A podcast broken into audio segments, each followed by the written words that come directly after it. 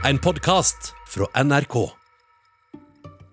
Hver gang jeg prøver å tenke på universet, verdensrommet og alt som finnes og ikke finnes der ute, blir jeg så sliten at jeg må legge meg nedpå.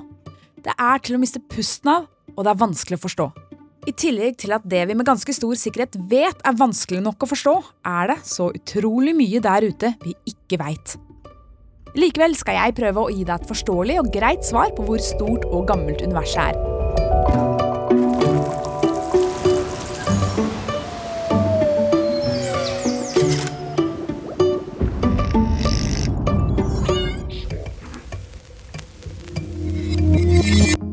Hei velkommen til en ny episode av Smartere på ti minutter, der jeg, Selda, forteller deg om fakta, vitenskap, historie og andre morsomme temaer som gjør deg nettopp det, litt smartere, i løpet av ti minutter. Uh, okay, much.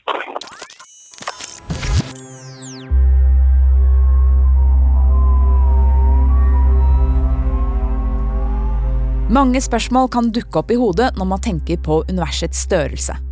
Stopper det i det hele tatt, eller er det uendelig? Det kan være vanskelig å forstå at noe er uendelig, for alt har jo en ende et eller annet sted. Men si at verdensrommet faktisk har en ende.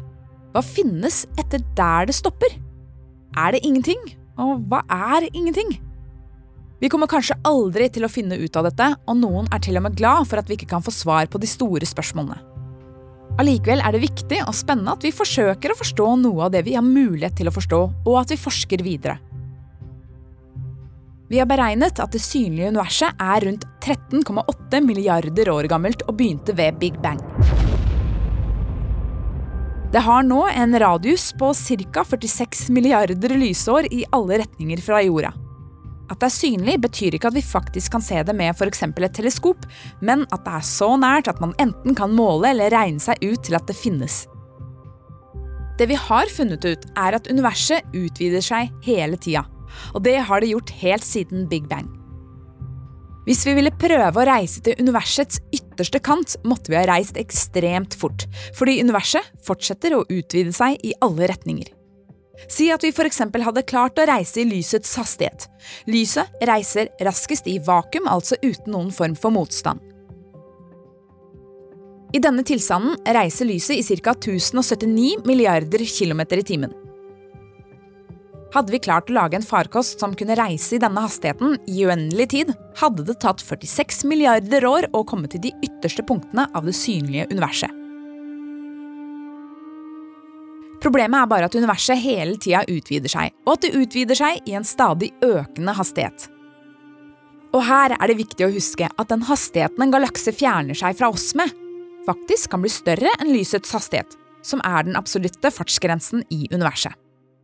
Men fordi det er selve rommet mellom den og oss som utvider seg, og dytter galaksene stadig vekk fra hverandre.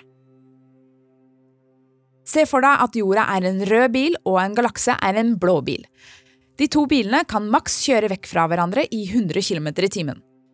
Imellom den røde og den blå bilen er det imidlertid en kjempevifte som blåser i alle retninger. Den blåser i 1000 km i timen, og derfor flytter den røde og den blå bilen seg også i 1000 km i timen hver vei.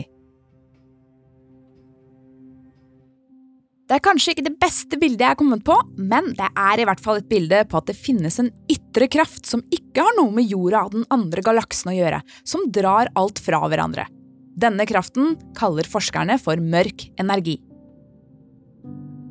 Navnet mørk energi er ganske treffende, fordi forskerne faktisk ikke aner hva den mystiske kraften egentlig består av.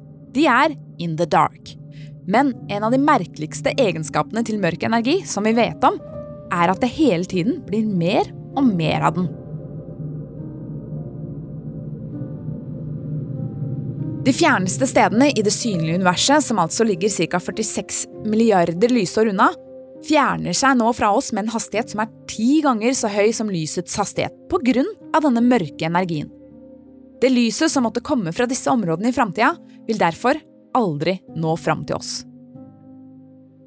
Kan det da bety at det fins noe lenger vekk fra det vi tror er enden av universet? Fordi det har også utvida seg såpass mye at lyset der bare ikke når fram til oss?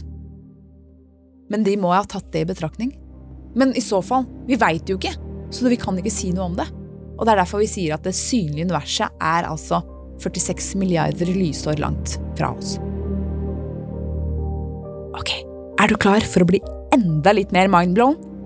Det vi hittil har snakket om, er bare det synlige universet. Men hva med det usynlige universet? Altså den delen av universet som er enda lenger unna, og som vi ikke kan se? Her tør ikke forskerne si så mye skråsikkert, men enkelte av dem har likevel prøvd å gi et anslag. I 2016 satte et team av forskere ved University of Oxford seg et mål om å beregne størrelsen på det såkalte usynlige universet. Deretter lot de datamaskinene regne på alle mulige ulike scenarioer der målingene kunne gi mening. Astronomenes forsiktige tolkning av resultatene som kom ut av PC-en, er at det usynlige universet er minst 251 ganger så stort som det synlige. Og folkens, det gir universet en diameter på 23 343 milliarder lysår. Men forskerne understreker at det godt kan være enda større, ja, kanskje til og med uendelig stort.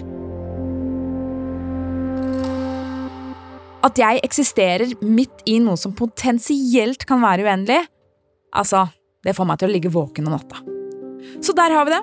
Og svaret er universet er potensielt uendelig stort. Men uansett hvor stort universet er, kan vi være ganske sikre på én ting.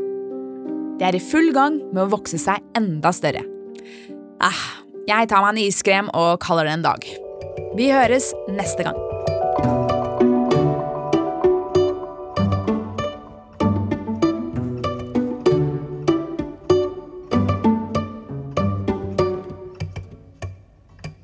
Du har hørt en podkast fra NRK. Hør flere podkaster og din favorittkanal i appen NRK Radio.